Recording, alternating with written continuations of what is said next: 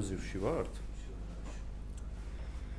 63 კაცი მიყურებს. უკვე? კი, მაგრამ ჯერ შენს თავის კუდი გადის ჩემთან, შეიძლება ვართ უკვე მაგრამ.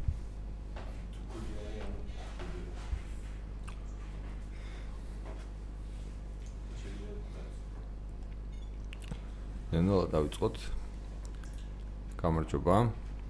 დღეს თავისუფალი ბაზრის თემა გვექნება საპარლამენტო არჩევნები ახალი წესით. დღეს იაგო და გიორგი იყვნენ შეხვედრაზე, სადაც ლაპარაკობდნენ ახალ 2020-ში განსახორციელებელ ცვლილებაზე, მაგრამ გაგვაქვს კითხვები და საინტერესო იქნება თქვენი მოსაზრება.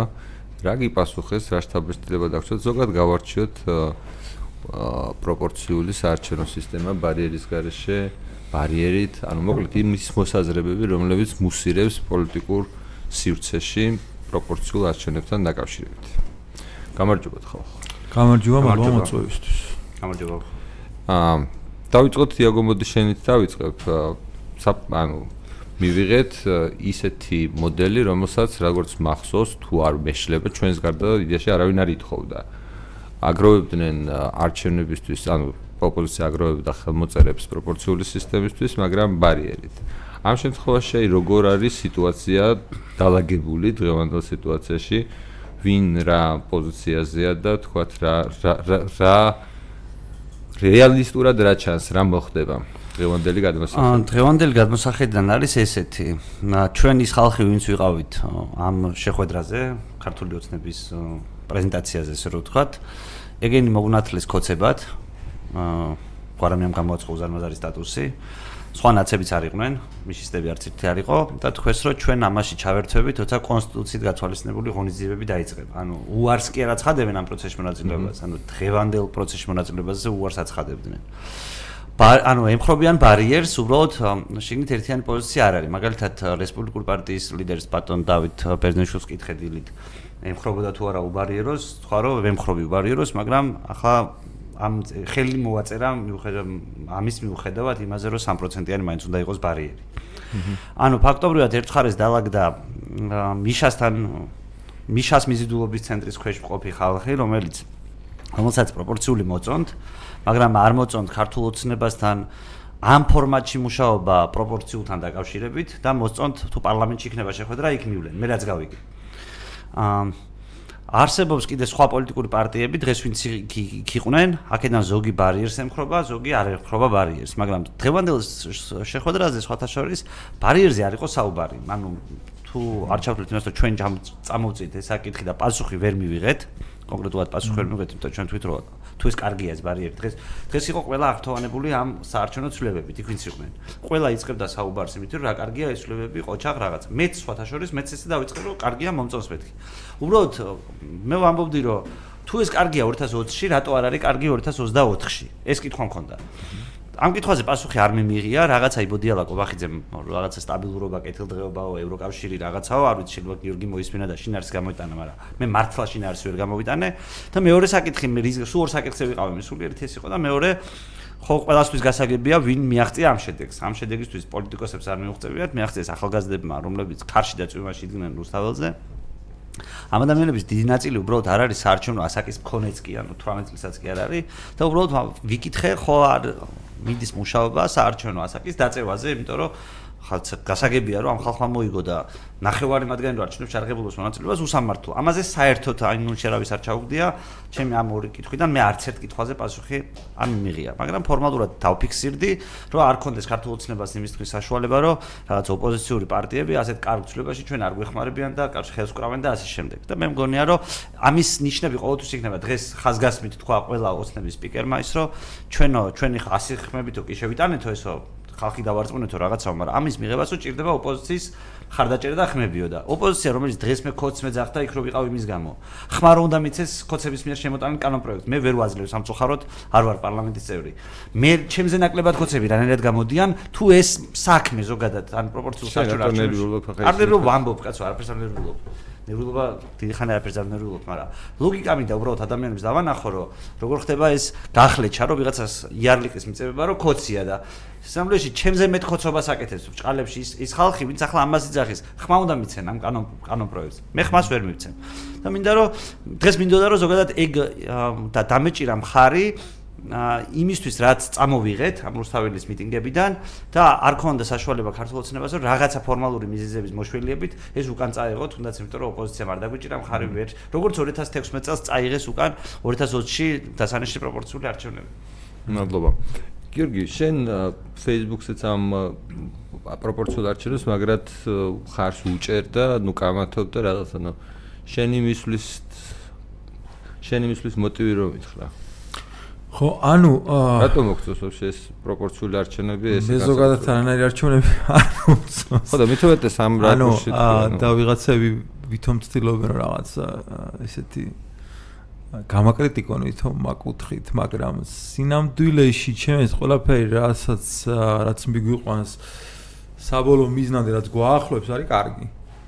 და ის სისტემა რომელიც ეხლა არის რაღაც ეს მაჟორიტ შერეული მაჟორიტარულ პროპორციული ბარიერით და ასე შემდეგ. მ ჩემი აზრით არის უფრო უარესი სისტემა ვიდრე ის რასაც დაგვიყვირდა ხან ამდენ გააკეთებენ არ ვიცი მაგრამ ნუ დაგვიყვირდნენ ხო? აა ხო ანუ ეგრე არ არის რომ რაღაცა აუ მე რა კი თავისუფალი ბაზის ანარქისტი ვარ ამიტომ ტყეში გავიჭრები და საერთოდ არ მაინტერესებს პოლიტიკურ ასპარეზზე რა ხდება და დაუხოციათ ერთმანეთი. ანუ ეგრე ეგრე არ ხდება. ანუ ზოგადად ყველაფერი კარგია რაც გვაძლევს მე თავისუფლებას. იმიტომ რომ საბოლოო მიზანი არის სრული თავისუფლება ჩემი აზრით. აქედან გამომდინარე აა არ შეიძლება შეიძლება მეშლება მაგრამ მე მგონი არ მეშლება აა აა ეს ცვლილებები ჩემი აზრით გვაძლევს საშუალებას, რომ წავიწიოთ უფრო მეტი თავისუფლებისკენ. აა რაც არის ახლა შემოთავაზებული. განსაკუთრებით არა უბრალოდ პროპორციული სისტემა, არამედ პროპორციული სისტემა ნულოვანი ბარიერით. აა შეიძლება ახსნა ნულოვანი ბარიერის მნიშვნელობა? ხო, ანუ აა ნულოვანი ბარიერი, ხო, ანუ ზოგადად როცა კონკურენციაზე ვლაპარაკობთ, აა თავისუფალ ბაზარზე არსებული კონკურენცია პრინციპულად განსხვავდება პოლიტიკურ სფეროში არსებული კონკურენციისგან. ანუ რაღაცა მიწერია კიდე თამაზე, არ ვიცი ვის აქ წაკითხული ის არა. ანუ ჩემი აზრი არის ზოგადად ეგ, სხვებსაც აქ ნათქვამი, ანუ თავისუფალ ბაზარზე კონკურენცია ხდება კარგისთვის, პოლიტიკურ სფეროში კონკურენცია ხდება ცუდისთვის. რაში მდგომარეობს ეს? ანუ აა ხო ეს ალბათ თქვენ პარტიას ნაკლებად ეხება. მაგრამ ზოგადად კონკურენციაში რომ გამოიმარჯვო ელექტორალურ სისტემაში საარჩევნო სისტემაში უნდა დაპირდე ამ მომრჩევლებს ისეთ რაღაცას რის გამოც ისინი მოგცემენ ხმას. და ამ მომრჩევლები არც რაღაც ანგელოზები არიან არც არც შმაკები არ არიან კი ბატონო მაგრამ მათ აქვთ თავიანთი ინტერესები ეს ინტერესები სულაც არ არის აუცილებელი, რომ კონკრეტული ამომრჩევლის ინტერესები თანხვედრილი იყოს ამ ამ ქვეყანაში მცხოვრები ყველა ადამიანის ინტერესთან, თუნდაც უმრავლესობის ინტერესთან, ხო? ანუ ყველა ამომრჩეველი რეალურად ლობირებს იმას, რომ ამ რას არჩევნების შედეგად რაღაცა მიიღოს სარგებელი სხვების ხარჯზე. ხო? ანუ ხა კიდე ერთხელ ვიმეორებ, არიან სხვანაირი ამორჩევლობიც, მაგრამ ისინი არიან აბსოლუტურ უმცირესობაში ჩემი აზრით. ამორჩევლებს ძალიან ძნელია აუხსნა მაგალითად რატო უნდა აა მაშინ ცირა გიხსენი რომ ძალიან შორს რა ანუ ეს კონკრეტული სისტემა მაგ ნაწილს როგორ ცვლის? ხო ანუ აი დაუნთორე ფასი და გადავალ მაგაზე. ანუ რისთვის კონკურირებენ ამორჩევლები ერთმანეთთან? ნუ ნუ და მათი მათი პარტიების შესაბამისად რისთვის კონკურირებენ? აა აა ამომრჩევლებს უნდათ რაღაცა უფასო სერვისები, რაც რეალურად ნიშნავს, რომ სხვების ხარჯზე მინდა სერვისების მიღება. ანუ სხვა წართვი ფული მომეცი მე, ეგ არის შეკვეთა.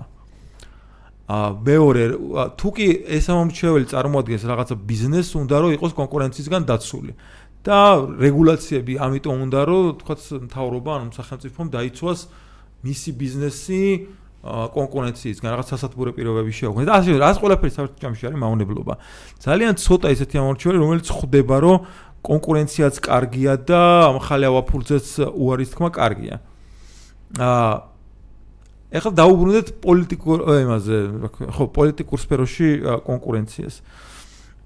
აა ჩემი აზრით დღეს შექმნილი მდგომარეობა არის ესეთი, რომ ძირითადი დიდი პარტიები ბოლო სტატუსი მქონდა მეგონი ამ ნაცკოცობაზე ძირითადი პარტიები იმდენად ჩალპნენ და ჩაეფლნენ ამ აა მავნებლურ დაპირებებში და ზოგადად თელი მაგათი სისტემა არის აგებული ამ მაგათზე. აა მაგათ ყავთ სატელიტი პარტიები, პატარა პარტიები, გასაგებია. მიგონი დაპირებას აღარ აქვს მნიშვნელობა, მაგრამ ოკეი. ხო, ну, დაპირება რაღაც რაღაცა ეგ არის მაგ პარტიების ფუნქციონირების სტილი, ესე ვთქვა თამაში, ხო? ანუ ეგრე ფუნქციონირებენ ეგ პარტიები, ეგრე ეჯიბრებიან ერთმანეთს.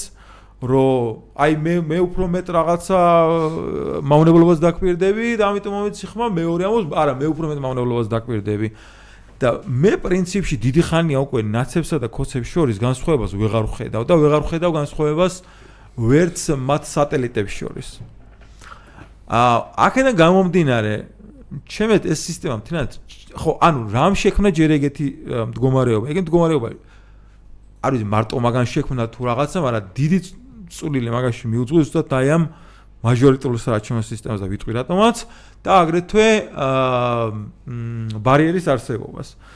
მაჟორიტარულ საარჩევნო სისტემას იმიტომ რომ ეს დიდი მოთამაშე რომელიც გამოიმარჯვებს მაჟორიტარები გადახტებიან იმის მხარეს ხელად და უკეთებენ ესე ვთქვათ საკონსტიტუცია ბონუსია. ხო. დიდი დიდი ბონუსია, ხო? 48% აიღეს კოცებმა, მიიღეს 77% პარლამენტში. იგივე საკეთებდა ნაცემი მანამდე. ხო, სტადია. ანუ ეგერთი აა ამ შემთხვევაში ესე იგი პატარა პარტიების ხმა საერთოდ აღარ ისმის. და მთელი ეს ასე ვთქვათ, სტოსი მიყავთ აი ამ დიდ პარტიებს, რომლებიც არიან საზაგელი მავნებელი პარტიები. აა ну პირდაპირ ვთქვათ ეს ტერმინი მე მიყვარს ეტატისტური პარტიები, კოცები და ნაცები, ხო? მაგალითად აი კი ჰა? გწმპ-ზე რა სიტყვა? ხო სხვა შორის გწმპ აა ცოტა როგორ ამბივალენტური დამოკიდებულება მაქვს მაგ პარტიასთან. ჯერ ჩემეთ მაგხელა რეიტინგი არ აქვს მაგ პარტიას როგორადაც ცდილობს რომ წარმოაჩინოს. აა და ცოტა ზედმეტად ოპტიმისტურად არის განწყობილი. მაგალითად 5%-იანი ბარიერით რო ტარდებოდეს დღეს არჩევნები აა პროპორციული სისტემით. ჩემით ეგ არ შეიძლება შევიდეს მაინც, მაგრამ გაუჭირდება ძალიან პარლამენტში შესვლა. აა შეგო ინტერესი. ანუ მე მე იდეაში ანუ ანუ იმაში რომ დაბრუნდი თუ შეიძლება აი რასაც გვიყავდი თვითონ საარჩევნო აი საარჩევნო სისტემა თქვა ნულოვანი ბარიერით რა. ანუ ეს მაჟორიტარები ბონუსია. ხო, არა, უბრალოდ დიაგოს რა ინტერესებდა, რომ რამდენად არის თქვა free market oriented და ზოგადად freedom oriented აა გწმა, გწმა პოს ვეძახით ჩვენ იმას. იგი წერია მამის პარტია. და რა ქვია, ევროპულ საქართველოს, ხო? ხო, ანუ რომელთანაც არის ესე როგორც მთვარე ტრიალებს ეს თავისუფალი დემოკრატები. ჯერ არ ჩაუკლავია, მაგრამ ნუ რაღაც ერთად არის. ანუ აა ეს პარტია ჩემი რაღაცა რაღაცა რაღაც პოზიტიურებსაც ამბობს, მაგრამ ძირითადად მაინც კონიუნქტურას მიყვება, რომელსაც აწესებს ნაციონალური მოძრაობა. აა რა მომეწონა იქნებ ანუ გასვლა ამ ორბიტიდან აი როგორც თქვა ეხა შენ თქვი რომ თქვა სხვა პარტია ამას თვარეს ხო თავისუფალი დემოკრატები ამის სატელიტია იქნებ ძალიან რთულია ნაციონალური მოძრაობის და გწმ-ს გახლეჩვაც იდეაში. კი, ანუ რთული ამბავია. ეს ამის მთვარია, მაგრამ ის მზის გარშემოტრია. იგი მზი არის ნაციონალური მოძრაობა. ხო და ან როგორც დედამიწა იყოს თვარი თავდი. კაი, ხურობთ ახლა მაგრამ აა ხო, ანუ ძირითადი, ძირითადი მაგათი სატრიალო ორბიტა მაინც არის ნაციონალური მოძრაობა. თუმცა თამარ ჩერგულეშვილი ცდილობს რომ რაღაცა უფრო მეტად მოხდეს გამიჯო ხა მე რასაც ვკითხო დიდი ექსპერტი გწმოპოსი არა ვარ მე რასაც ვკითხულობ თქვა Facebook-ზე ცდილობს რომ უფრო მეტად მოხდეს გამიჯვნად და ხშირად გამოთოს უკმაყოფილებას რომ ძალიან გადაბსკვნელები არიან ერთმანეთთან აა თქვა გწმობს establishment-ი და ნაციონალური მოძრაობა. რამდენად რამდენად დიდი ხმა აქვს ქალბატონ თამარს მაგ პარტიაში და რამდენად გაიტანს თავისას არ ვიცი, მაგრამ ყოველთვის ცდილობები აქვს. აი მაგალითად ეხლა გუში რო გამოვიდნენ ეს აფილირებული პარტიები ნაციონალურ მოძრაობასთან და რო თქვეს რომ არაო ჯერო ჩვენი კანონ პროექტი განიხილოსო მთავრობამ და იმ კანონ პროექტში უწერეთ 3%. ნუ დანარჩენი მე მგონი იგივე პროპორციულზე გადასვლას უჭერენ ისინი ხარს. აა ჩერგოლეშმა დაწერა რომ აი რა უნდათ იქო რატომ იქ რა უნდათ რა გიგი უგულავა მივიდა რეალურად. რატომ მივიდაო გიგი უგულავაო? ხო? და გააკრიტიკა. აი გინევა შიდა ის რა შუა ინტერესებს ჩვენ კაცო. იქნება შიდა რაღაცეები აქვთ. თავიანთი გაჭირვებია, ყოველას თავისი გაჭირვებია. ანუ 3%-იანი ბარიერი პროსტა რატო არის რატო არის არასწორი ეგ რა ხო და იაგოს კითხვა მე ვიტყვი ბარან ანუ არა დამთავრდა დამთავრდა ანუ შენ კითხოს რომ გავცე პასუხი. ხო ანუ ერთ ერთადერთი მე მგონი შეიძლება ერთადერთი არა კიდე რაღაცა ვიყო ერთ-ერთი კაი რაც მომეწონა რაღაცა შუალედური ვარიანტი ქონდათ საპენსიო ფონდთან დაკავშირებით. გწმობს ჭიაბერა შუც უფრო კონკრეტულად. და რა მომეწონა მაგაში რომ ძალიან გავგიჟდიან ეს არა შუაშია კაცო არა, ჩვენ ხო იმას ვილაპარაკობთ, რომელია უკეთესი პარტია. არა, ვაფშე არ ვილაპარაკე მაგაზე. просто პარტიების შემეშალა და კონსტიტუციასთან დაკავშირებით სხვადასხვა ხო, ანუ ანუ რაღაც თუ გინდა აუხსნი მე რა არის მაგათი პოზიცია და ხო, ანუ ჩაშლელი აქვს თვითონ გადასახადში ის 2% და ნებაყოფლობითა გადაიხადონო თუ უნდა თუ საპენსიო ფონდში შეტანაო და თუ თუ ანუ მაშინ უბრალოდ გადასახადი იქნება, ხო? ოკეი, кай პარტია ყოფ. ყოფილი კაი პარტია, მაგრამ ნუ ეგ შეიძლება ითქვას, რომ კოცების ვარიანტზე უკეთესია. იმიტომ რომ კოცები ამბობენ, რომ ხისტათ ამბობენ, რომ რაღაც 2% გემატება, გადასახადი და ის უნდა გაუშვა საპენსიო ფონდში. რასაც ამის გადასახადები გაზრდა. გიგებენ, გიორგი, ვერ გავგებენ. კაი, დავამბობ მაგასთან. ანუ ამ ცოტას არის თავარი თემა პროპორციული საარჩევნო სისტემა, ბარიერი თუ ბარიერის გარდა. კაი, დაუბრუნდეთ მაგ ბარიერი, ბარიერის ამბავი მაინტერესებს. ანუ რამე რამე არგუმენტი. მე მაგალითად ძალიან მარტივად გლეხურად ვუყურებ ამ საკითხს რა. თუ არსებობს ბარიერი, ეს იმას ნიშნავს, რომ ვიღაცა სხვების ხმებს იღებს შენ თვითონ. ანუ ვინც ამ ბარიერს ლახავს, ხო? ანუ ყოველას მეაჩნია სამართლიანად, რომ სხვის ხმების აღება მოსულა. აი სხვის ხმების აღება მოსულას არგუმენტი გამიგონია, რომ არსებობენ რაღაცა რუსეთიდან მართული ძალები, რომლებიც ასეთ შემთხვევაში გაძრებიან და მეორე არგუმენტი, რომელიც გამიგია ამასთან დაკავშირებით არის, რომ რაღაცა თავრობის დაკომპლექტება უფრო გართულდება. არა, კიდე სხვა ვარიანტებიც თქვა იმან კოვახიძემ. კი ბატონო, მაშინ დამიმატეთ და ანუ ამ ეს არგუმენტები მინდა რომ გავარჩიო, რომ რა ევროპებში ასე არის. ევროპებში ეგრე ერთი არგუმენტი იყო. ნუ მაგას არგუმენტს არ ვეძახი. სტაბილურობა თავრობის ის არის, ანუ ასე. მაგაზე უპასუხე მე ჩემ პასუხს. და რა მაინტერესებს, ანუ აი ამ არგუმენტებთან მიმართებაში იმ ადამიანებს ვინც უჭერს ხარს, რა არგუმენტი აქვს, რომ მაგალითად სიტყვაზე ამბობენ რუსიკოს ვიღაცა ვიღაცას ვისაც ვისაც რაღაც პუტინი მოწონს საქართველოს პარლამენტში არაფრით არ შეიძლება რომ ფეხი შევადგმევინოთ. ანუ ეგ ხო ეგ არსებობს ესეთი მოსაზრება?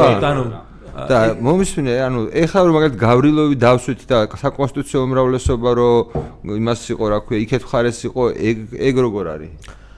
ეგ ადამიანები ძალიან ბევრს ლაპარაკობენ დემოკრატიაზე, მაგრამ რეალურად ჩაეკითხო, ეგ არის ფარსი რა, ანუ ეხლა დემოკრატიის არ მინდა შეგინება, მაგრამ დიდი კომაგი მე არა ვარ, მაგრამ ზოგადად ფარისეულობა არ მომწონს.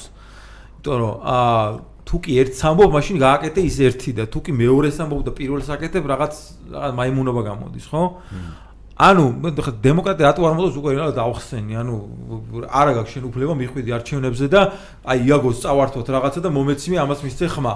ეგეთი რა ანუ აქედან გამომდინარევე მე ვთვლი რომ აა თქვა ამომჩევლების ხმები ვინც ეგეთ რაღაც მავნებლობებს აძლევენ ხმას ეხლა დიდად რომ ვენები გადავიჭრა მაგათ ხმები თუ დაიკარგება არც მაღაზია ვიდარდებდი მაგრამ არსებული რეალობიდან გამომდინარე რეალობა გვაქვს ესეთი. უკვე ჩამოყალიბდა ეს ორპოლუსიანი სისტემა ორი უზარმაზარი მავნებელი პარტიაა რომელიც ფაქტობრივად ახდენენ პროპაგანდირებას ამ ეტატისტური ესე ვთქვა იდეების არანარი აი breath of fresh air რო ამბობენ ინგლისურად არანარი აი სიო არის არის ძuris ამ ამ ესე თქვა ჩამყაყებულ ჭაობში რომ რაღაცა ნუ რაი რასაკეთებთ არ არის ეს კარგი რომ აი იმას წავართვა და მე მომეცი ამაზე არ უნდა იგებოდეს პოლიტიკური პარტიის დღის წესრიგი, ხო?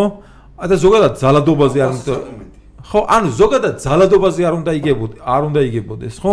ანუ იგივე თქვა, აი მე მაგალითად ვარ რუსეთთან ვაჭრობის მომხრე. თავისუფალი ბაზრის მომხრე რა კი ვარ, მე ვთვლი რომ რუსეთთან უნდა ვაჭრობდეთ. მიუხედავად იმისა, რომ ეს შეიცავს პოლიტიკურ რისკებს. მე უბრალოდ იმის მომხრე ვარ, რომ ეკონომიკის სხვა ნაწილებიც უფრო მეტად თუ გაიზრდება, მაშინ ეს რისკი ამ რისკის ნიველირება მოხდება. ხო, არა, არ ხდება. არა, უბრალოდ მე მე რისი თქმა მინდა. რაღაცა სიმართლე ყველა ადამიანს აქვს. იგივე ვთქვათ, აა რუსეთუმებს რო ეძახით, ხო?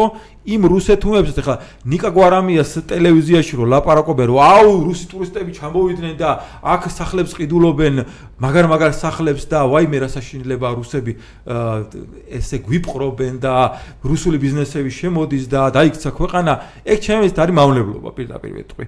და ეხლა თუ მაგას უპირისპირდება ის რაღაცა ესე ვთქვათ, ბრჭყალებში რუსეთუმე, ანუ რატომ უნდა ჩაუხშოთ იმას საინფორმაციო ღრუ? ხო? ანუ ყველაფერში არის არ არის ეს ესე რომ რაღაცა შავი და თეთრი, ხო?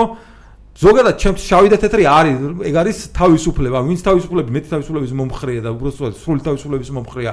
ის არის კარგი, ვინც არის წინააღმდეგ, ის არის ცუდი.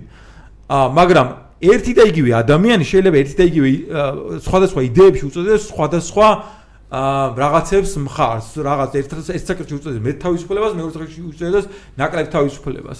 გაბნეული იყოს. ხო, ანუ არის მოდეს რა ზოგადად ეგ საკითხი და აქედან გამომდინარე აა ამ ადამიანებს უნდა კონდეთ უფლება, რომ მისცენ ხმა და აირჩიონ ისეთი პარტია და ის პარტია იყოს წარმოადგენელი პარლამენტში, აა როგორც სურთ. მაგრამ მაგაში მაგაში ვეთახმები და დღევანდელი შენ ხო გიყვარს დღევანდელი კონიუნქტურიდან თუ როგორ მოხოლმე დამავიწყდა ამან ჩემი აზრით ანუ დღევანდელი რეალობიდან მე მომთხოვი ანუ დღევანდელი რეალობიდან გამომდინარე დღევანდელი აა კონტექსტიდან გამახსენდა სიტყვა ანუ დღევანდელი კონტექსტიდან გამომდინარე დღევანდელი კონტექსტი არის ის რომ აა ჩვენ დიახაც უნდა ვეცადოთ რომ პატარა პარტიებმა გაარღვიონ ეს ჩამყაყებული დამპალი სტატუს quo, ეტატისტური სტატუს quo და გამოვიდნენ ასპარეზზე. მაგალითად გირჩი, ხო? ეხლა მე გირჩთან მე ხშირად ვაკრიტიკებ ხოლმე გირჩ, გირჩ რაღაცებში არ ვეთანხმები, მაგრამ მარტო იმიტომ რომ მინდა რაღაც კიდე უფრო მეტი თავისუფლების მომხრეები იყოს. აა მაგრამ ჩემე ამ ეტაპზე გირჩი არის ალბათ ყველაზე მეტი თავისუფლების მომხრე იმ პარტიებს შორის, რომლებიც რომელიც ამჟამად ყვავს. მე მგონი რომ ისტორიაში ყველაზე მეტ თავისუფლების მომხრე ვარ ჩვენ პარტიებს შორის. ხო, ანუ ეგ არის რომ თქვენზე მეტ თავისუფლების მე არ შემიძლია, მაგრამ შევქნა, მაგრამ შექმენ ჯერ და მე ხო, ის ხო ეგეთი. შექმენ პარლამენტში შევა. კაი, ანუ მე რას ვიძახი? მე რას ვიძახი? ანუ მაგალითად ეს სისტემა ახდენს იგივე გირჩის ინგლისური სიტყვა ესეთი disenfranchisement, რაც არის ხმების წართმევა ან მithვისება, ხო? ანუ რატო ამ ეტაპზე უყურებთ ორი დინოზავრია ის სიტყვა ვიხმარი იმ სტატუსში ორი დინო ეტატისტური დინოზავრია ესე ვთქვა დააბოტებენ და გარშემო ყველაფერს სპობენ ხო აი ყველანაირი სიკეთე ყველანაირი თავისუფლება ისპობა ამ ორი იმის პარტიის მოქმედების შედეგად. და ამაში არის ჩაძირული მთელი მოსახლეობა. ამად გარჩევებში და მე მინდა რომ მე გავარჩიოთ ეგ ნაწილი, ანუ ეს ტექნიკურად როგორ ხდება, ამიტომ რომ გარდა რაღაც ემოციური რაღაცებს, ეს დინოზავრები არიან და ვიღაც ჭიანჭველებს რაღაც ფეხებს აბიჯებენ. მე მგონი არის ძალიან გააზრებული კანონმდებლობა, რომელიც კონკრეტულად გარდა მაგა საარჩევნოსი ზოგადად ხელს უწყობს, რომ ესეთი პოლიტიკური გარემო იყოს ჩამოყალიბებული, რომელიც გვაქვს. ანუ ეს ოპოლუსიანობას რო უწყობს ხელს და მათ შორის საბიუჯეტო სპრიცე რო არის მთელი პოლიტიკური სპექტრის შემჯდარი და ბევრი ბევრი თემაა რა. ანუ ეს რამეს გითხავ რა. ანუ ეხლა დღეს რო ნაცები მოვიდნენ ხელისუფლებაში. ვინმე ჯერა რომ რეალური ნაბიჯები გადაიდგმება თქვათ აი საბიუჯეტო ნაწილის შემცირებისკენ ან რაღაც რეგულაციები გაუქმდება კარდინალურად და ამითი რაღაც ხალხი ამოისუნთქაოს ან გადასახადების შემცირდება კვეთრად. ვინმე ჯერა ამის? მე მაგალითად არ ვჯერა მე არ ვიცი ვის შეიძლება ჯეროდეს ვის მე არ ვიცი მაგ კითხვაზე მე ვერ გიპასუხებ. ალბათ მაგ პარტიის მომხრეებს რაღაცები ჯერა ან შეიძლება ისეთი რამე მე მე მეგონი არც ესმით რა არის თავისუფლება პირდაპირ მოდი იაგოსთან გადავა ხა კითხვის. იაგო აი მე რასაც გიორგის ვეკითხებოდი ანუ ამ არგუმენტებზე თუ მოგისმენია ამ ორ არგუმენტზე აი ის ადამიანები ვინც ეთხოვენ იქნება ნაციონალური მოძრაობა ნიკა გვარამია ან რაღაც ესეთი face ტიპები, რომლებიც უჭერენ ხარს თავად არგუმენტთან მიმართებაში რას ამბობენ, ანუ რატო არის ეს სამართლიანიო და რატო გვინდაო ამის გაკეთებაო? მე ჯერჯერობით ვერ მოვისმინე, ვერცად ვერც წავიკითხე, გარდა ზოგადად რომ საშიშია ესეთი და უნდა ვკითხოთ რაღაცა ვენეციის კომისიასო, უნდა დავეკითხოთ ექსპერტებსო, ასე ანუ მე ვფიქრობ, რომ ეს ეს არის რაღაცნაირად არგუმენტი რო არა გაქვს და კიდე რო ელოდები რომ ვიღაცა წამოგაშველებს ამ არგუმენტს, მსგავსი დამოკიდებულება რომ მოდი იქნება ვიღაცამ დაგვიდასტუროს რომ კი ნამდვილად ასე კარგი არის სამიანი იქნება ხუთიანი თუ რამდენიღაც იქნება თუ სხვადასხვა ქვეყანაში სხვადასხვა ხელოვნური ბარიერია იმის მიხედვით და ჩვენთან რამე ხო არ გაგიგონი ამაზე არა ანუ რამდენიმე არგუმენტია რომელიც მოუსირებს და ყველა ამას იმეორებს ერთი არგუმენტი თავარი არგუმენტი მან და არის ის რომ რუსები შეგვიძლია პარლამენტში და ვასაზე შევა პარლამენტში და ისე მაგაზე რომ გავარჩიეთ просто აი კონკრეტულად ეგ არგუმენტი მინდა რა რა პრობლემა არის და პირიქით მე მომწონს ანუ მე პირადად მომხრევა რომ ვასაძე ქუჩაში არ დარბოდეს იჯდეს პარლამენტში და იქ ლაპარაკობდეს ანუ ბევრად მეც ხო იტყვის, ანუ როცა გამოდის ხოლმე და რაღაც მე ხო რაღაც დაცინია ხოლმე, რომ აი რა თქვა, აი მე ვასაძემ რა თქვა და რაღაც რაღაც მიმებს აკეთებენ. ეგ კობახიძემ გააფორმა რომ არასტაბილურობის ელემენტი იქნება. და რატო იქნება? გავერთობით, ანუ პარლამენტი გახდება ჩაუროთ გასართობი უფრო მეტად ადგილი, მეტ ყურადღებას მიიქცევს შესაძლოა მრავალფეროვნებიდან გამომდინარე და ეს ადამიანები გვეცოდინება ვინ ყავს. ანუ მე ამ რომც რომც სხვანაირად იყოს და საერთოდ არაფერია მე ამას პოზიტიურ დადებით არგუმენტად მოვიყვანდი თუ რატო უნდა გავაკეთოთ ესე იმისთვის რომ ეს მრავალფეროვანი ადამიანები მაგალითად აღიქვ წავიკითხებ Facebook-ზე ვკითხულობდი რომ სამხრეთ საქართველოსში ჩვენო საერთოდ რა ვიცითო ვინ გამარჯვებსო ანუ არა ქართული ეთნიკური ჯგუფებით და დასახლებულად ვის და ბიჭო პირიქით ძალიან მაინტერესებს ის ხალხი ნეტა ვინ საირჩევს რომ მე იმ ხალხს დაველაპარაკო? იმიტომ რომ მათ ხო არც ქართული ოცნება არასოდეს არ წარმოადგენდა არც ნაციონალური მოძრაობა არასოდეს არ წარმოადგენდა ეს ამ ხალხის ხმები ჩვეულებრივად იყო ყველაზე მარტივად საყიდელი, ხო? და თუ შემთხვევით ვიღაცას ეს ხალხი მართლა აირჩევს, პრობლემა რატოა? არავინ არ იცის და ისედაც კაცო მან ხო თავარი არგუმენტი ჩემი აზრით ის არის რომ ვასაძეს რომ რავი 7% რო ხონდეს ხარდაჭერა 10 დავაწესოთ ბარიერი ანუ რა გავაკეთოთ ახლა ვსდიოთ ვასაძეს ამდენად აიწევს ბარიერი და 1-1%-ით მეტი დავუწესოთ დავაწესოთ იმიტომ რომ კონსტიტუცია ცვალოთ იმის გამო რომ ვიღაცები პარლამენტში არ შევიდნენ ხო აბსურდი არის ახლა ეს და ამის გამო ეს ჩვენ ფიქრობთ რომ თავისუფლების გამარჯვებაა რომ ვიღაც რუსები რო არ შევიდნენ პარლამენტში ამის გამო ყველა სხვა ნორმალურ ადამიანებს რომლებიც რუსები არ არიან სტანდარტი უნდა მიუყენოთ ლევან ვასაძის რო ის არ შეგვიპაროს ამერად პარლამენტში. მაშინ როცა პატრიოტთა ალიანსი იყო პარლამენტში. მე პირიქით ამ მე ლევან ვასაძე პარლამენტში რო იქნება ის პარლამენტი მირჩევნია. ანუ ახლა ხო სრულიად მოსაწყენია. ჩვენ მართლა ეგეთი სამართლინო პარლამენტი ხო არ ყოლია 98-მა კაცმა 13-მა კაცმა დაუჭირა მათი კოლეგის დაჭერას ხარი მართლა ამაზე საზღარი პარლამენტი. რანერია შეიძლება მართლა გაგვეჭითოს ქვეყანაში ლევან მასაძე გააფუჭებს ეგეთ პარლამენტს. ლევან მასაძე შეიძლება ხმარ დაუჭიროს ხმარ და კვიციანმა გააფუჭა ეს პარლამენტი? კვიციანი რომ იქ რო ხა სიტყვაზე არ მინდა ხარავის დასახელება მაგრამ ჩვენ რო ვიღაცა ნორმალური ხალხი გვეგონა კოცებში და კვიციანი რო რომელი აღმოჩნდა ნორმალური? როცა სიტუაცია დადგა? ანუ ხო კვიციანი აღმოჩნდა კვიციანი აღმოჩნდა. კი, ნუ ადა ჩემი აზრით თუ კვიციანი ადამიანურად აღმოჩნდა სწორი, ის ნებისმიერ სხვა შემთხვევაში, იმიტომ რომ ადამიანურ ურთიერთობებსაც ეხება საპარლამენტო ის არა ვქნა მოღვაწეობა, თუ ადამიანი არ ხარ და შენი კოლეგა ციხეში გასაშვებად გემეტება, რა შენ მიღებული კანონი რა იქნება? მარტივად ვთქვა. კვიციანზე არა, კვიციანს კი არ ვიცავ. კვიციანზე მანდ არ არის, იმიტომ რომ მაგალითად როგორი მომენტია ის რომ ანუ ამ დროს შიშულდება რა ადამიანის ბუნება რა. ანუ ხარსურად მოიქცა ესე. ხო, ხართო არა მზად რომ შენს ადამიანურ რაღაცებს ხაზი გადაუსვა და დამორჩილდე ბზანებას. კოლექტივს კოლექტივს რა ვინც რა ვიცი ვისაც მესეჯ ბოქსში ვინც გიგდებს რაღაცას და აი ამას რო ვერ შეეწინააღმდეგები და რო ვერ მიხვდები რომ სამი წელი ვიღაცასთან ერთად ზიხარ და ეს ვიღაცასთან ერთად რო ზიხარ იმას მაინც გავალდებულებს რომ ამასთან ადამიანური ურთიერთობა მაინც კონდეს და ანუ გაიაზრო კონკრეტულად რასაკეთებ იმ მომენტში. და ესეთმა სხვათა შორის აი რაღაც პუნქტში აი ამ პარლამენტმა იმის გამო რომ კონსტიტუცია მიიღო ის კონსტიტუცია რომელიც გვაქვს რომელსაც ვითომ ამაყობდნენ მაგრამ ბევრი სკანდალი იყო ამასთან. რეალურად ხო ამის დისკრედიტაციაც გააკეთა რომ ყველამ ვიცით რომ ამ სეთმა პარლამენტმა მიიღო ქვეყნის თავარი კანონი. ანუ რა თავარი რაღაცა ვითომ მორალური ის რო გვაქვს რა ქვია. ხო შესაბამისად გონია რომ ეს ცუდი ამბავი არ არის და რომ აი უბრალოდ აი ამ ეს კიდე ნაიძულებია, ანუ ეს ამბათ კი არ მიუღიათ, არამედ ვიღაცამ აიძულა. ეს მაგიტომაც არ კონსტრუქცია მე მომწონს რეალურად რა. ანუ მაგიტომაც ართმობენ ახლა. ამათ რო ეს თავიცინებით მიიღოთ 2024-ში მართლა დღეს ხო კითხვა რა კითხვას დავშვი კითხვა ხო არსად არ გამქრალა დღესაც მაგაცო თუ 20-ში კარგია ეს და იქ დღეს ხალხი ვინც იყო ყველა ერთხმად ვიძახდით რომ კარგი ცვლილება ჩვენ გვექნება უკეთესი პარლამენტი და მთელი თავისი სიმფონიები. მარტო მე კი არა 90-იან წლებიდანო ქართულ პოლიტიკაში არიან, როგორია ისა, სახალხო პარტიის ლიდერი გიორგაძე და ხალხი ტრადიციონალისტები, კაკი ასათიან, მოკლედ ხალხი იყო, რომლებიც იძახდნენ, რომ ამას ველოდებოდით. თუ ეს ესეთი მაგარია, 2024-ისთვის რატო არ გვაქვს? ან 2032-ისთვის რატო არ გვაქვს? ანუ 28-ისთვის რატო არ გვაქვს?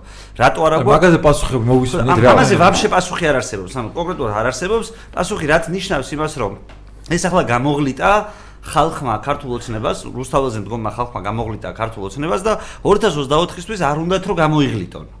ამ არ გამოღლეტაში მათთან არის მთელი პოლიტიკური სპექტრი. სხვაებიც რა არავინ არ უთქვია, არავის არ უთქვია, ერთადერთი იყო მე მგონი ახვლედიანი და თორცდები კუკავა არის კიდე ჩვენსკენ. დღეს ვინც იყო რა მაგარ კამპანიაში აღმოჩენილ ვართ ხო იმიტომ რომ ჩემი აზრით ჩემი აზრით ამ შემთხვევაში მათ უფრო ჯანსაღი ინსტინქტები აქვთ. ანუ დიდი ხანია პოლიტიკაში არიან ესმით რაზე არის საუბარი და ხვდებიან რომ ამაში მართლები არიან აი ამ კონკრეტულ შემთხვევაში და ვინც მართალი არისო ვახო ის ხალხი დღეს ვერ მოვიდა მაგ შეხვედრაზე. ანუ ვერ მოვიდა თუ არ მოვიდა? არა არ ვიცი ხა არ მოვიდნენ მაგრამ ფაქტია რომ დღეს რო იქ მისულიყავი და გაგეკრიტიკებინა ქართული ოცნება იმის გამო რომ ბარიერი შენ არა გაქვს იქნებოდა არაადეკვატური კონკრეტულად არაადეკვატური. ეს სულ დარჩება ეს არაადეკვატურობა. მეორე საკითხია რომ ქართული ოცნება თვითონ ართმობს 2024-ისთვის და ჩემი აზრით სწორი სტრატეგია ის არის რომ ლოგიკურად თუ 2020-ში მოგწონს და იძახი რომ აი ესე ზარზე იმით გაგაკ რატო 2024-ში არა? ეს არის ჩემი აზრით ყველაზე მარტივი სვლა ქართულ ოცნებასთან ახლა საომრად და ეს არ უნდა გაუშვათ ხელიდან აქ რა მე არ ვარ ხო იცი ერთიანობების მომხრე და ანჯერა იმის რომ ქართული პოლიტიკური სპექტრი დაირაზმება და ერთად შეუტანს შეუტევს ქართულ ოცნებას, მაგრამ ეს ხო ძალიან რაციონალური ამბავი არის. ყველა ჩვენთაგანისთვის ხო გასაგებია რომ ერთადერთი სამართლიანი სისტემა არსებობს. მარტო ბუნებრივი ბარიერით. სხვა შენ თუ ამბობ რომ 2% უნდა იყოს, ვიღაცა კაცი ხარ 2% გევასება. ვიღაცა რომ მოვა და გეტყვის 2 არა რატო? 3 იყოს არჯობიაო რა პასუხი გაქვს ამაზე? რა განსხვავებაა 2 და 3 შორის? 34 შორის რა განსხვავებაა? და 85 შორის რა არის განსხვავება? 5 და 7 შორის საერთოდ 10 აქ ერდოღანს ანუ მაგას ძალიან გაურეკია. ხო ანუ ხო წარმოგვიდგენი ახლა რომელია ნაბიჯია მეტი თავისუფლებისკენ სიარული ხო ამას უნდა ვუყუროთ. მაღალი ბარიერი თუ დაბალი ბარიერი? თუ ბარიერობა ბიძინამ ნებსი თუ ნებლიეთ არ ვიცი რატომ ყველაზე ამ ამ შემთხვევაში შემოგთავაზა ამ სისტემაში ყველაზე მეტი თავისუფლება უგონ მხოლოდ 2020 წლისთვის. და ჩვენ ნაცვლად იმისა რომ ვახურებდეთ რომ 2020 წლისთვის რაც კარგია 24-ის კარგია და სუ კარგია და სუ ჩავწეროთ ვეუბნებით რომ იცი რა ეს არც ისე კარგია ჩვენ ეს არ გვინდოდა ჩვენ ისეთი გვინდოდა ჩვენ რო კარგად ჩაგვეტეოდა და ყველა პარტია ხომ ასე ძახის მაგალითად რესპუბლიკელები ძახიან სამი ჯობდა ალიკო ელსაშვილიც სამი ჯობდა იძახის იმას რო უთხრა ხუთი ჯობდაო რა განსხვავებაა მაგალითად გეწმობთ მაგას იძახი ხო, ანუ იქ სადაც ეს პოლიტიკური პარტიები თავს შედარებით გარანტირებულად გძნობენ და არ უნდა სხვა კონკურენტების შემოშვება, იმდენს იძახიან. ანუ არაფერი სხვა ფილოსოფია ამაში არ არის. მე ასე მაწყობს. აი შენ კონდა მე მგონი ეს პაპუასის არგუმენტიაო დაწერილიო, ზუსტად ჩოლური პაპუასის არგუმენტია. იმ შემთხვევაში თუ მე რა ვიცი, მე ვკლავ იქით და სხვის ცოლს ვაუპატურებ, მაშინ მოსულა. სხვები რო შვებიან ამას აქეთ, მაშინ არ მოსულა. ეს არის არგუმენტი. მაგრამ კი. ანუ ეგ ეგ აკრას გეცემაპოს უყოს ხო მაგაზე, იმიტომ რომ რაღაც ამ 3% რატომ არის ამის 3% რატომ მოწონთ, ხო, იმიტომ რომ იციან რომ 3%-იან ბარიერს ალბათ უპრობლემოდ გადალახავენ და უნდათ რომ ის პარტიები ჩამოიშორონ, რომელიც 3%-ზე ქვემოთ არიან, ხო? ანუ ყველა უყურებს საკუთარი აა ინტერესიდან გამომდინარე. სხვათაშორის თამარ შეგროშულა დაწერა ეგრე ზუსტად რომ რაც კარგი არისო ჩვენი პარტიისთვის, იმას უნდა დაუჭიროთ მხარი, აბა როგორო? ხო სუ ეგ არის პაპოს ლოგიკა, მეტი არაფერი.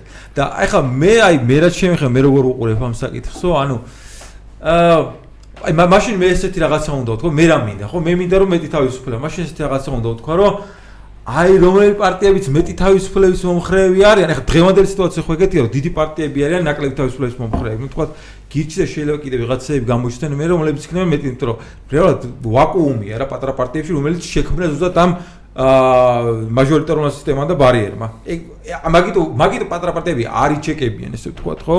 მაგრამ შეიძლება კიდე მე გამოჩნდნენ, როცა ესეთ სისტემა შეიძლება. შეგონია რომ მარტო ეგ არის. მე უბრალოდ ცოტა ვაპროტესტებ მაგას, როცა ვისმენ ესე წყმარად, რომ კი მესმის გეთანხმებით ორივეს, რომ მაჟორიტარული სისტემა ერთნიშნულად ბონუსია რა.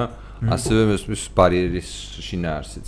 მაგრამ ძალიან ნიშნულობას იმას ვანიჭებ, რომ ზოგადად აი მე და იაგო ლაპარაკობდით ბოლო პერიოდში ბებს რა. მაგ თემაზე რომ ზოგადად პოლიტიკური პარტიების შექმნა და დაფინანსება ამ ქვეყანაში არის წარმოუდგენელია. ხო, მაგას რომ. ხო, ხო, ანუ ამ ამის, ანუ მაგრამ ამასაც მიუძღვის მაგაში. კი, კი, რა თქმა უნდა, ანუ ჯამია რა, ანუ ჯამია, როგორც საკანონმდებლო შეზღუდვების, ისე არაფორმალური ნაწილის, თქვა, აი დაფინანსება რანაირად შეიძლება მიიღოს პოლიტიკურმა პარტიამ, ხო? მაშინ როდესაც არა გვაქვს არც საზოგადოებრივი რაღაცა ისეთი ინსტიტუტები, რომლებიც თქვა მოახერხებენ ფინანსების მობილიზაციას. შემედ გადასახადები და უნდა ფინანსდებოდნენ პარტია. ხო, და პლუს ხო და მაგას გეუბნები რომ პლუს მეთქი რომ თლიანად ეს დაფინანსება წავიდა საბიუჯეტოზე, ანუ ფაქტობრივად ნემსზე შევსვით, მათ შორის პატარა ტიპები, რომლებიც ცდილობენ სულ კოალიციებში შევიდნენ, რომ რაღაცა დაფინანსების ნაწილი მაინც გარანტირებულად მიიღონ ბიუჯეტიდან რა. ხო და ანუ ბარიერი ბარიერად, მოდი ასე ვთქვა, იმიტომ რომ ბარიერს თავს ისინი ართმევენ კოალიციებში და ზუსტად აი დიდ ბლოკებში რაღაცნაირად შე ერთ შეგაწყვეტინე პრეჟი. რამე ლოგიკას ხედავ ზოგადად მაგაში, რომ რატო ვაფინანსებ ბიუჯეტიდან რასაც ახენ კვალიფიციურ სუბიექტებს. ანუ პირიქით პატარა სუფრას ჭირდება თავით სამაშის წესებზე შეიძლება ანუ ისე და ის ჩვენია გაკაჩულია და ჩვენიანია. ანუ სინამდვილეში მანდარი ჩემი აზრით ანუ უბრალოდ როგორც მონაწილეას ჩავერთები ჩემი აზრით ეს არის კონკრეტულად იმ ადამიანების იმ ჯგუფების დაფინანსება რომლებიც იდეაში სისტემური მოთამაშეები არიან რა რომლებიც სისტემასთან ერთად შეიძლება რაღაც საზრისით სხვადასხვა პოზიციებზე იყვნენ, მაგრამ ძირეულ პრინციპებს არ არ აპროტესტებენ. ანუ სისტემა ცდილობს რომ სტატუს quo შეინარჩუნოს. რა თქმა უნდა, სისტემა ყოველთვის ცდილობს რომ ისეთი მდგომარეობა მოაწყოს, რომელიც ტალღებს გამოიწვევს, მაგრამ ფუნდამენტურად არ შეცვლის პოლიტიკურ landscapes ან რაღაც ლანდშაფტს. სუბუქად გამოვიდეს გადატვირთვით. ხო. ხო, ანუ არასწორად რო არ გამიგონ, ანუ მე იმას კი არ ვამბობ, რომ პატარა ტიპებს უნდა მივიცეთ, პატარა პარტიებს უნდა მივიცეთ გადასახადები. საერთოდ არავის არ უნდა მივიცეთ. არავის არ უნდა მივიცეთ, ეგ არის ამოსავალი, მაგრამ პროტო ბროდ აი რაღაცა ეტატისტური უღმართი იდიოტური ლოგიკაა, რომ აი დიდებს მივიცეთ და პატარებს არ მივიცეთ. ანუ რატო აძლევ იმ ისედაც დიდია ის და კიდე კიდე რომ გააფუო თუ ანუ რა ლოგიკა ვერ ხვდები? ის ის ლოგიკაა რომ სხვა შესაძლებლობა არ ქონდეს პოლიტიკურ პარტიას, ანუ სხვა, ანუ როდესაც ჩვენ აფინანსებთ თუნდაც დიდ პოლიტიკურ ნაციონალურ მოძრაობას აფინანსებს ხოცები, ხო ახლა ესე გამოდის ბიუჯეტის ფულით აძლევენ იმათ. და ისინი მე ამად დააფინანსებენ. არა, რაც ახე რაც გაძლევს იმის საშუალებას. ისინი ამად დააფინანსებენ. შეიძლება გააფინანსოს და ეგრეც იქნება, ხო ახლა ნაციონალურ მოძრაობას ხო აფინანსებდა ოპოზიციურ პარტიებს ბიუჯეტის ფულით. დიდებს. კვალიფიციური. როგორიც იყო. აა ეგეთ სიტუაციაში უკვე შენ ფაქტობრივად შეგიძლია მიხვიდე ბიზნესმენთან და უთხრა რომ შენ არ დააფინანსო. აი უცბად წარმოიდგინე რომ ბიუჯეტი არ აფინანსებდეს არც ერთ პოლიტიკურ პარტიას და ყველა პოლიტიკურ პარტია იყოს გირჩივით. აჰა. მაგ შემთხვევაში ხო ეგრე ბიზნესმენები ვერ დაიმალებიან. ანუ ფიზიკურად მართლა ერთი პარტია დარჩება. დანარჩენი შეშინებული ყავს ყველა ბიზნეს, მანამდე მიშას ყავდა შეშინებული ბიზნესმენები და ფულის გადარიცხვა პარტიული ფული არ მოსულა მართველის garaშე, ანუ ბიზნეს კურთხევის garaშე არ მოსულა პარტიული ფული. დაჟე ზუსტად ვიცი როგორი არის კურთხევის წესები. ბიზნამ უნდა გითხრას, რომ გადაუხადო ვიღაცას. ის გარანტია, რომ იცი რა, შენ ბიზნე არაფერს არ გეტყვის, შენ თუ გინდა დააფინანსე, ეს არ ყოფნით. მიხვდი, ანუ ეგეთი ტიპის კონტროლზე არის აყვანილი პარტიული ფული ზოგადად. ახლა წარმოიდგინე, რომ ეს ბიუჯეტის ფულიც არ იყოს, ახლა ვიღაცა ნაცმოძრაობას რაღაც რამდენიმე მილიონს ფაინს რა რუხტიდე ბიუჯეტიდან. უკვე სხვა ტიპის უწესრიგობას მიიღებ, ანუ შიმშილისგან ეს დიდი პარტიები გამოვლენ ქუჩაში. აი როგორც პუტინი რო თავის მოწინააღმდეგეებს კი არ ხალხს ხოცავს ან ნოლზე კი არ სვავს რა. სინამდვილეში რაღაცა 30%-ს აძლევს თავის ყველაზე ისეთ ყიდულობს. ყიდულობს რა. დასაკარგი რო სულ წაართმევს. იმას დასაკარგი არ ექნება და თავიდანვე განწირული იქნება ბრძოლისთვის რა და ბრძოლა არის არ უნდა. შესაბამისად ეს მექანიზმი ისე მუშაობს, რომ მეტნაკლებად ყველაფერი დალაგებულია. იმასაც დასაკარგი აქვს, ნაციონალური მოძრაობა იქნება, მომავალში ქართული ოცნება იქნება თუ ვინც არ უნდა იყოს. იმასაც ყოველთვის დასაკარგი იქნება ამოდენი მილიონზე ალაპარაკი. პლუს შენ დამატებით წყაროების კონტროლი შეგიძლია, იმიტომ რომ მთელი სახელმწიფო მანქანა შენია. აა მათ შორის საგადასახადო იქნება თუ სუსიკუდი თუ რაც არის რა ეს მთელი სისტემა და ფაქტობრივად შენ არანაირი პრობლემა არ გელოდება მოულოდნელი პოლიტიკურად რაღაც დაფინანსებული სუბიექტისგან რა ისეთი ისეთი სუბიექტისგან რომელიც შენ თვითონ უხდი ფულს რა. შენ თვითონ ზუსტად იცი იმდენი თანხა რომ მაგითი რევოლუციას ვერ მოაწყობს. ეგ თანხა არის იმისთვის რომ პროსტა სტაფი არჩინოს ყველამ თავისთვის და ნუ რაღაცა ისეთი ხო და ეხლა რომ დაუბრუნდეთ დაუბრუნდეთ ისევ ამ ნულოვან ბარიერს თუ ბუნებრივ ბარიერს თუ რასაც ახიან. ანუ ეგეც არის ჩემს ბარიერის არის ერთ-ერთი აა ჭანჭიკი თუ გოლი ამ სისტემაში, რომელიც დიდ პარტიებს, establishment-ის პარტიებს, ესე ვთქვა, status quo-ს პარტიებს აძლევს უპირატესობას, ხო? ანუ ანუ ამდენი ხანია იბრძვით, რომ შეხვიდეთ პარლამენტში, ხო? ანუ პოლიტიკური პარტიის ამოცანა რა არის, რომ საბოლოო ჯამში მოხვდეს პარლამენტში და მოახდინოს ზეგავლენა აა საბოლოო ხელისუფლებაში მოხდება უფრო კიდე ზედამიზანია და მოახდინოს ზეგავლენა პოლიტიკურ პროცესებზე, ხო? აა და ეს ბარიერი ბარიერი ფაქტობრივად არის იმისთვის უბრალოდ შექმნილი, რომ თქო და აი გირჩნარი პარტია არ მოხვდეს პარლამენტში, ხო? სხვა აი სხვა რა დანიშნულება შეიძლება კონდეს ბარიერს. ანუ აი ხო, მაგრამ გირჩი ხო არ არსებობდა და სხვასაც ეხებოდა, რომ ნების მე ახლა მარტო გირჩზე არ არის. რეალურად უბრალოდ ინიცი შესაძლებლობას კლავს, ანუ არსებულზე კი არ ვიძახ, ენების პოტენციალს, აი რამდენი ადამიანი მინახია, რომელიც არ შეიქმნება და თვითონ გააკეთებდა. 13000 თუ 15000 ადამიანის მხარდაჭერის მოპოვებას ძალიან ბევრი დღეს უცნობი ადამიანი მე დარწმუნებული ვარ, რომ 2020 წლისთვის გარისკავს. პარტიასაც შექმნის, არ ვიცი, ფულსაც დახარჯავს, გაინძრევა, ანუ კრეატივს გამოიყენებს, რაღაცას მოახერხებს და გარისკავს. ამ გარისკვის შესაძლებლობა ამდენი წელი 30 წლის განმავლობაში არ ქონდა ფაქტიურად, ხო? ანუ წინასწარი მოლოდინი ქონდა წარუმატებლობის, რაც აიძულებდა მათ, რომ ან შერწყმოდნენ დიდ პარტიებს, ან შესულიყვნენ ბლოკში, ну სანამ დაშვებული იყოს ბლოკები, ან საერთოდ გასულიყვნენ პოლიტიკური ასპარეზიდან, ხო? არა, გაბანკროტება რაც არის რეალურად, ანუ გირჩი, იმიტომ გამოირჩევა რეალურად ეხა ამ პოლიტიკურ ასპარეზზე, რომ ჩვენ რაღაცა ძალიან ძალიან ძალიან გავრისკეთ, მათ შორის რომ აი ამდენი ხანი ვარსებობთ რა.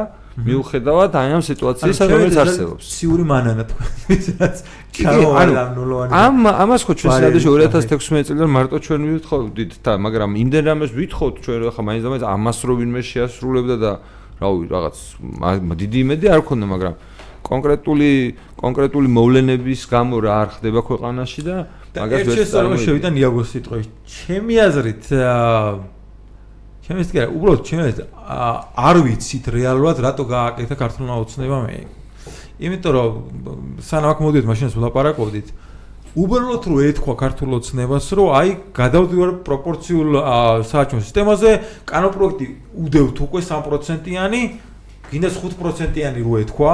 აჰა რა ხალხი იყო და იქ რუსთავში ანუ მოდი და არა წინამორბედი მოდი დავფიქრდეთ იმაზე თქვათ ანუ ეს მაგალითად შეიძლება თუ არა შეიცავდეს რაღაცა ისეთ რომელსაც რომელიც ქართულ ოცნებას უფრო მეტად აწყობს ვიდრე მაგალითად რაზეც აპელირებენ ნაცი ხო და რა შეიძლება ეს იყოს მართლა რო კი ბატონო რანერად განადგურდები რანერად განადგურდები ამას ნუ სხვაში თუ შენ გინდა ის რომ დიდი მსხვილი ოპონენტის მსხვილი პარტიას დაარტყა ამისთვის საჭირო მას გაუჩინო კონკურენტები შენც გიჩდება კაცო ხალხოცნების 64 კი არ არის უბრალოდ შენ თვლი რომ იმას უფრო მეტად დაარტყავს იმიტომ რომ იმის უარყოფითი რეიტინგი უფრო მეტია ამიტომ ფიქრობ რომ გადაიქაჩება შენი ხლებით გადაიქაჩება სადღაც ვერ ჩენიღებ უმრავლესობას მაგრამ შენ რო წააგო მომენტ აი რომ წინა სისტემა რო დაგეტოვებინა და შეიძლება და ქართულოცნებას წაეგო გარანტირებულად მიშამოდიოდა ახლა ზუსტად იცი რომ შეიძლება შენ წააგო, მაგრამ გარანტირებულად მიშა არ მოვა. აი ამ ნაწილში იგებს. და ამიტომ არის და რაციონალურია. რაციონალურია, კი რა თქმა უნდა. ანუ ნულოვანი ბარიერი ჭამს დიდი პარტიი, დიდი პარტიების უსამართლოდ მითვისებულ ხმებს. ნუ ჭამს აბრუნებს რეალურ გლობალობას. რაღაცა ემატება, რომ არა ყველა მიდის არჩევნებზე და ამბობს, რომ ის არგუმენტი, რომ ამას თვის მიცემას აზრი არ აქვს, ეს მაინც ბარიერს ვერ გადალახავს, აღარ არსებობს. და ამიტომ სულ შეიძლება ახლა 20 პარტია შევიდეს პარლამენტში. შეიძლება მეტი ადამიანიც წავიდეს არჩევნებზე. კი, მეტი ადამიანიც წავა არჩევნებზე 100%-იანი. ხო, აი მაგაში არა ვარ დარწმუნებული, მაგრამ კი, როგორ არა? უბრალოდ მე ბევრჯერ მომისმენია, რომ აი 92 წელს ყველაზე მეტი ადამიანი ხო? ხო, მოკლედ სამომრჩევლები, ვიცი რომ თქვენი ამომრჩევლები იყვნენ. ამობდე რომ ხო აი გირჩი მომწონს მაგრამ რაღაცა არა აი კლასიკური გაწმობა კაცო ხო და მაგრამ გირჩი შანსი არის რომ ვერ შევა პარლამენტში თუ სადღაც არის და ეს არის ჩვეულებრივი სხვა პარტიების აქტივისტები არიან რომლებიც ჩვენ ხო ვიცით ეგ მეთოდები ანუ მეთოდი არის რომ ვითომ ანუ ის ვიღაც ვიღაცას ხო გირჩის დაც ევასება ანუ შენი ამბოცან არის რომ ვისაც გირჩი შეიძლება ევასებოდეს იმაზე მოახდინო ზეგავლენა გირჩის კრიტიკაზე როცა არ ჯდები ეთერებში მაშინ გირცხო ვერ გააკრიტიკებ ამიტომ ერთადერთი ეგზაქტ დაგჭა ვითომ გულშემატკივრის პოზიციიდან ილაპარაკო რომ მე მე ვარ გიჩის გულშემატკივარი, მაგრამ ხმას ხوار დავკარგავ ახლა. სინამდვილეში ინფორმაციას არ ვცელებ, თორე რადგან გიჩის გულშემატკივარი არ ხარ. ისევე როგორც კიდე მეორე კატეგორიაა, რომ რამეს რო იზამს, ახლა გირჩმა რო სიტყვაზე რავი, ბორდელი გახსნა. აუ, აქამდე გირჩ გულშემატკივრობდი, ყველაფერში მოყვებოდი და აი ეს ვერ გავიგე, ამიტომ კარგად იყავი წავედი. ხო, ეგ კლასიკაა. ხო, კლასიკაა რა, ორივე არის ჟანრის კლასიკა. ამიტომ არც ერთ მათგანს არ ვაქცევთ ყურადღებას და ხალხიც რომელიც ასე იქცევა, ის ხალხიც ვიცით ვინც არის ზოგადად, ვისწავლეთ ჩვენც რაღაცეები. მოდი ახლა იცი რა მინდა, გავიგე, მაგრამ აი აქციების ამბავზე როგორ ფიქრობთ? როგორ განვითარდება მოვლენები? დღეს აპირებთ წასვლას.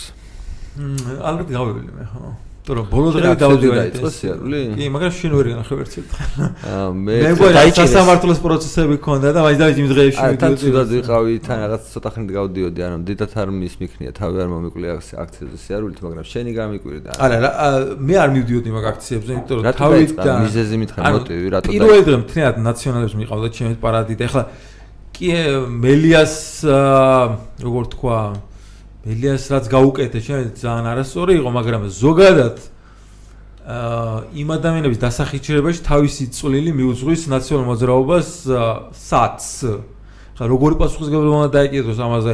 პოლიტიკური თუ სხვანაირი რთული საკითხი მაგრამ ეს პასუხისგებლობა ამ ქვეყანაში არ უნდა დაეკუსოს ჩემი აზრით არ უნდა დამდგარიყო მანამ სანამ მართველი პარტია არ აიღებდა. მის წილ პასუხისგებლობას და უფრო დიდ ლომის წილ თავრობის იყო პასუხისგებლობას და მაგას გარდა ეს შენ ამბობ რეალურად სასამართლო თუ არ არსებობს რანაირ შეიძლება ილაპარაკო სამართლიანი რაღაც სასჯელი გამოუდგას როგორ არ არსებობს დღეს გაუმართლები ვარ ხო. ლამის კი რა გამართლეს კაცო კიდე ლამის კი რა გამართლეს თუ ეგრე არის ასე შენ ამბობ? ხო ეგ არის რა. ანუ ეგ გამართლებას ნიშნავს ხო? თუ არაფერი არ შეგვიძლია არც ერთ დისციპლინური ზომა თუ არ არსებობს და შეწყო წარმოება გამართლება? შეწყო წარმოება ესე იგი სასამართლო გამოსწორდა. კი ბატონო. ანუ და აი პირველ დღეს არანაირი სურვილი არ მქონდა მისთვის და პირიქით იქ ეგ ამბები რო ატყდა, ანუ იმ რო უჩაჩქუნებდნენ სპეცნაზია სპეცრაზმელებს ესენი. აა მაგდროს მე ვთქვი რომ აქ რაღაც ცუდი მოხდება მეთქი სტატუსი დავწერე Facebook-ზე, ხამის რომელი საათი იყო პირველი ხდებოდა. მე მგონი დავწერე სტატუსი ესეთი რომ ეხლა ვინც თქვენ მან დგახართ უკან არიგებში, მეგონ წინ აშკარად აქტივისტები იდგნენ ნაციონალური მოძრაობის. უკან არიგებში ვინც დგახართ მეთქი ყველაზე სწორი ვარიანტი ის არის რომ წამოხვიდეთ სახლებში მეთქი.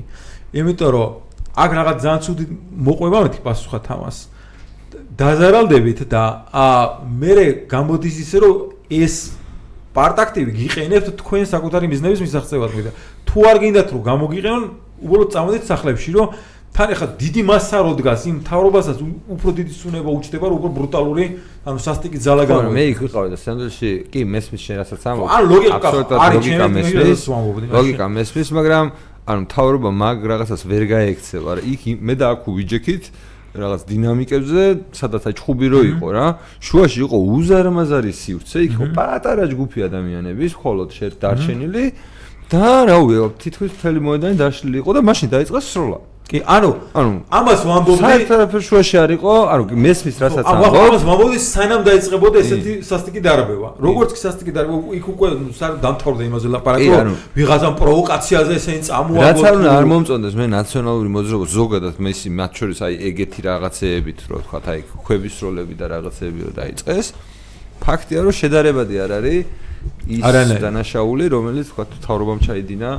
ანუ ახს მოდი ახლა ავიღოთ და შიგ წარმოედგინე რომ თელი პარლამენტი სავსეა პოლიციით. არავინ არაფრის ამღები არ არის ხო რეალობასაც რომ საგიღო რაშვები ხო ანუ 2003 წელს მაგას სხვა შინაარსი ქონდა კაცო რო აიღო პარლამენტის ხომა გადიოდა და შევარდებოდნენ იმ სხვადასხვა რამდენი ადამიანი უკვე იჯდა იმ პარლამენტში ანუ რამე დაშავდა მაგეთი როგორც გავრილოვიჩი და ყო ისე ჩვენ თუნდა და ის და რაღაც ციგნებს არა შინაარსი არ ქონდა. მობილოში იყო. პარლამენტის შენობის კაცმა ანუ კიდე ასიკაცი შევარდნილი იყო რა. არა ეგ იყო მთავრობის ანუ რეალურად რაღაცაზე ხონა გამოიყენებენ რატო ქნეს ეს? და ფაქტობრივად გამოვიდა რომ ნაციონალური მოძრაობა გამოიყენეს საბაბად გამოიყენეს რომ მათთვის შეეწმინდათ ხელები სხვა სხვა არაფერი არ იყო რა ანუ ეგ ამბავი ნაციონალური მოძრაობის ამ პროვოკაციამ ეს თემა აწია. და ძირეკების წაგებული იყო თამაში ქონდა წაგებული. უბრალოდ გაჩერებული იყო ეს დარბევა არ მომხდარიყო მაგაზე პირიქით კრიტიკა მოდიოდა უკვე რომ თავში უჩაჩქუნებენ სპეცნაზელებს და ნუ რა რაღაც ზოგს რაღაც კასკა თუ რა ქვია ჩაფხუტი მოპარეს თუ მოტაცეს თუ რაღაცა და ფარებს ურწყავდნენ იმათვის წართმევს და რაღაც არასასიამოვნო საყურებელი არა ზუსტად იგივე გამეორდა რაც აი მართლა 7 ნოემბერს რაც იყო 7 წელს თუ რაღაც ხალხი რო აღარ იყო ფაქტობრივად დილით რო რაღაც დილით რო დაესწნენ არაფერნაირი საჭიროება რო არ იყო ზუსტად ესევე არანაირი საჭიროება არ იყო იმ ძალის გამოყენების რაც გამოიყენეს. ა თუ რამე განასხვავებდათ და ვაფშე რამე თუ განასხვავებდათ ეგეც წაიშალა ეგ განსხვავება ვინც ეგ ბრძანება გასა მით უმეტეს ეგრეთ დარბევი ჯერ დარბევა ვაფშე არ იყო საერთოდ არ იყო საჭირო მაგრამ მით უმეტეს ეგრეთ დარბევის ჩემი აზრით არ ვიცი ან ეს არის რა ქვია უჭკო მოყვარიანაც ქართული ოცნების ან ჭკვიანი მტერი. არ ვიცი ვინ გასცა და იმიტომ რომ გახარი არ ამბობს მე გავეციო. საბოლოოში ხო ანუ რატომ მივედი ხე კითხვაში? იყო რა რატომ არც შემდეგ დღეებში არ მივდიოდი. აა მივედი მარტო მე მგონი მესამე თუ მეოთხე დღეს როცა აა გადმოაგდეს ეს პროპორციული საარჩევნო სისტემა ნულოვანი ბარიერით. ეს შესაძლოა კი გამიკვირდა რატო ანუ ანუ მაჩო შენგანაც კი გამიკვირდა რომ ესეთი რაღაც ფორმალური წესი ცვლილებაში საარჩევნო წესში ესე როგორ ანუ ხო ან რაც ვილაპარაკე რა ანუ ჩემი ელით მაგან მაგითი მე ანუ იმას ნიშნავს რომ მე მგონია რომ შენ ძალიან ანარქო კაპიტალისტი ხარ თუ სადა ვარ ვარ კი ბატონო ან და ვიღაცამ თქვის რომ აუ ესო გამინარქისტა არც გამიკა არც იდეები არ შემსულია არც არც აქეთ წამოსულა ისევ იგი ოპოზიცია ვარ მთლიანად. უბრალოდ მე ვამბობ ეგეთ რაღაცას რომ ამ ცვლებამ დაარტყა მინარქიზმი მაინც ჯობია ეტატიზმს, ხო? ან მინარქიზმი რეალურად ეტატიზმი. ამ შემსერებული ვარიანტი. ანუ მე რას ვამბობ, ამ საარჩევნო სისტემის ცვლილებამ ნულოვანი ბარი, მან ნულოვანი ბარიერია ჩემეთ პრინციპული და არა უბრალოდ პროპორციული არჩევნები. დაარტყა ორივე establishment-ის ეტატისტურ პარტიას, ქოსებსაც და ნაცებსაც. და ეგ მომეწონა ზოგადად და მაგის მერე უკვე აზრი ქონდა ჩემს მისულას იმ მიტინგზე. თან თან ახლა უკვე რო ხვდები რო აა როგორ თქვა ამითი რაღაც კარგად ჩამოაყალიბო აზრი. ამითი აა აი არ მოგწონს არც ერთი პარტია რა. არც ქოცები მოგწონს არც ნაცები ხო? და რეალურად იმას ველაპარაკებდით სხვათა შორის მამუკა ჯაფარიძე თუ იცი ეგეთი. კი, ამიტომ. ხო, ანუ მამუკა ჯაფარიძე ველაპარაკებდა. მამუკა დადიოდა თავი ეხ ბოლოს ვეღარ უნახე, მაგრამ მე რო დავიწყე სერვერი, მაგრამ თვითონ ეგ დადიოდა და სულ წერდა რომ აი ვარ იმ აქციაზე და რაღაცა და ხო და მე დავწერე რაღაც მე არ მივდივარ მეთქი რა და მაგაზე მითხრა რომ აი რატო არ მიდიხარო მითხარიო და თუ ხა დამაჯერებო არც მე აღარ მივალო და აა მეოთხე რაღაც მე მგონი არა ეგრეთო ლიოთ თვითონ ხო ნაცებს მიყავთ პარადიო აა და მე ვთქვი ხა პარადი არ ვიცი მეთქი მაგრამ ნუ ის შეიძლება რაღაც კულუარებიდან მიდის მანაცევის მიერ და მართვა მეთქი და რაღაც მაგდაგვარი მაგრამ უკვე რო ეგ დათმობა განხორციელდა უკვე ეგრეთ ჩავთვალე რომ თუნდაც რაღაც ვიღაც მიყავდეს პარადი ეს აქცია ემსახურება რაღაც კეთილ მიზანს და მეტი თავისუფლება მოაქვს და რაც რაც სწორია და აქედან გამომდინარე გამართლებული იქნება ჩემი სულა შემდეგ დღეებში ამაქცია. არ შეიძლება კარგად ვერ ხსნი, მაგრამ ნებისმიერ შემთხვევაში სწორი მგონია ადამიანად თუნდაც სოლიდარობის თვალსაზრისით სწორი მგონია, იმიტომ რომ ადამიანურად ცუდი რაღაცები მოხდა რა. ხო, ანუ ძირითადად ხო მაგ უკვე რომ მომხდარი იყო ცვლილება ეს პროპორციულის, მე ხო იმიტომ მივდივართ ხა ჩვენ რეალურად რომ გვინდა რომ ხელისუფლებამ აღიაროს რომ ესეთი საშინელება გააკეთა და გადააყენოს შინაგანსაკუთრებო მინისტრი, ხო? აა ანუ ეგ იქნება პასუხისგებლობის და აღება და არა ის რომ გახარი ამბობს რომ პასუხისგებლობას ვიღებ. რანაირად იღებ? პასუხისგებლობას თუ ისო პოსტზე რჩები და მინდა გამოვიძიო და შენი ბოდიში და ჩასრულის გამოძიება პოსტზე პოსტის შენარჩუნებით თუ გინდა პიკეთ ხელს უშლი ხო? ანუ ლოგიკური მე ეგრე მგონია აქედან გამომდინარე ეგ ადამიანი უნდა წავიდეს მაგედან ანუ ამ ეტაპზე ანუ როგორ თქვა სწორი და გამართლებული მგონია მაგ აქციის მხარდაჭერა რა. ამ ეტაპზე რა ნუ შეიძლება თავიდანაც სწორი იყო, მაგრამ მართლა აი ვაშაძე რო ეუბნებოდა ახალგაზრდებს, რომ თქვენ რა უნდა ილაპარაკოთ და რაღაც ოკუპირებული ქონათ ის მიკროფონი და რაღაცა ნუ ეგ ძალიან სუშტავად ისტორია. მოდი ვისარგებლოთ ლუმინაძის ჩვენთან სტუმრობით და ვკითხოთ რამე ანუ რა ხან საქართველოს ხარ რამე პოლიტიკურ საქმიანობას ხო არაპირებ განსაკუთრებით შეცვლილ ვითარებაში. აა ხო, ეხლა რა გამახსენდა? იქ რო ვიყავი დღეს. მ კახკალაძესთან მაგ ძალიან დიდი დაპირისპირე თო დიდი მავნებელია ჩემი აზრით რა. ანუ შენ უპირისპირე ის არ გიპირისპირე ხო და იმან არის ის რეალურად მე ვინა ვარ ანუ მე წე რაღაცა. ლანძღაოს სტატუსებს ნუ ლანძღაოს არა ეცოდინება შანსი არა კონსტრუქციულად ვაკრიტიკებ კაი. და ანუ ანუ შემეს დეგარი როგორ თქვა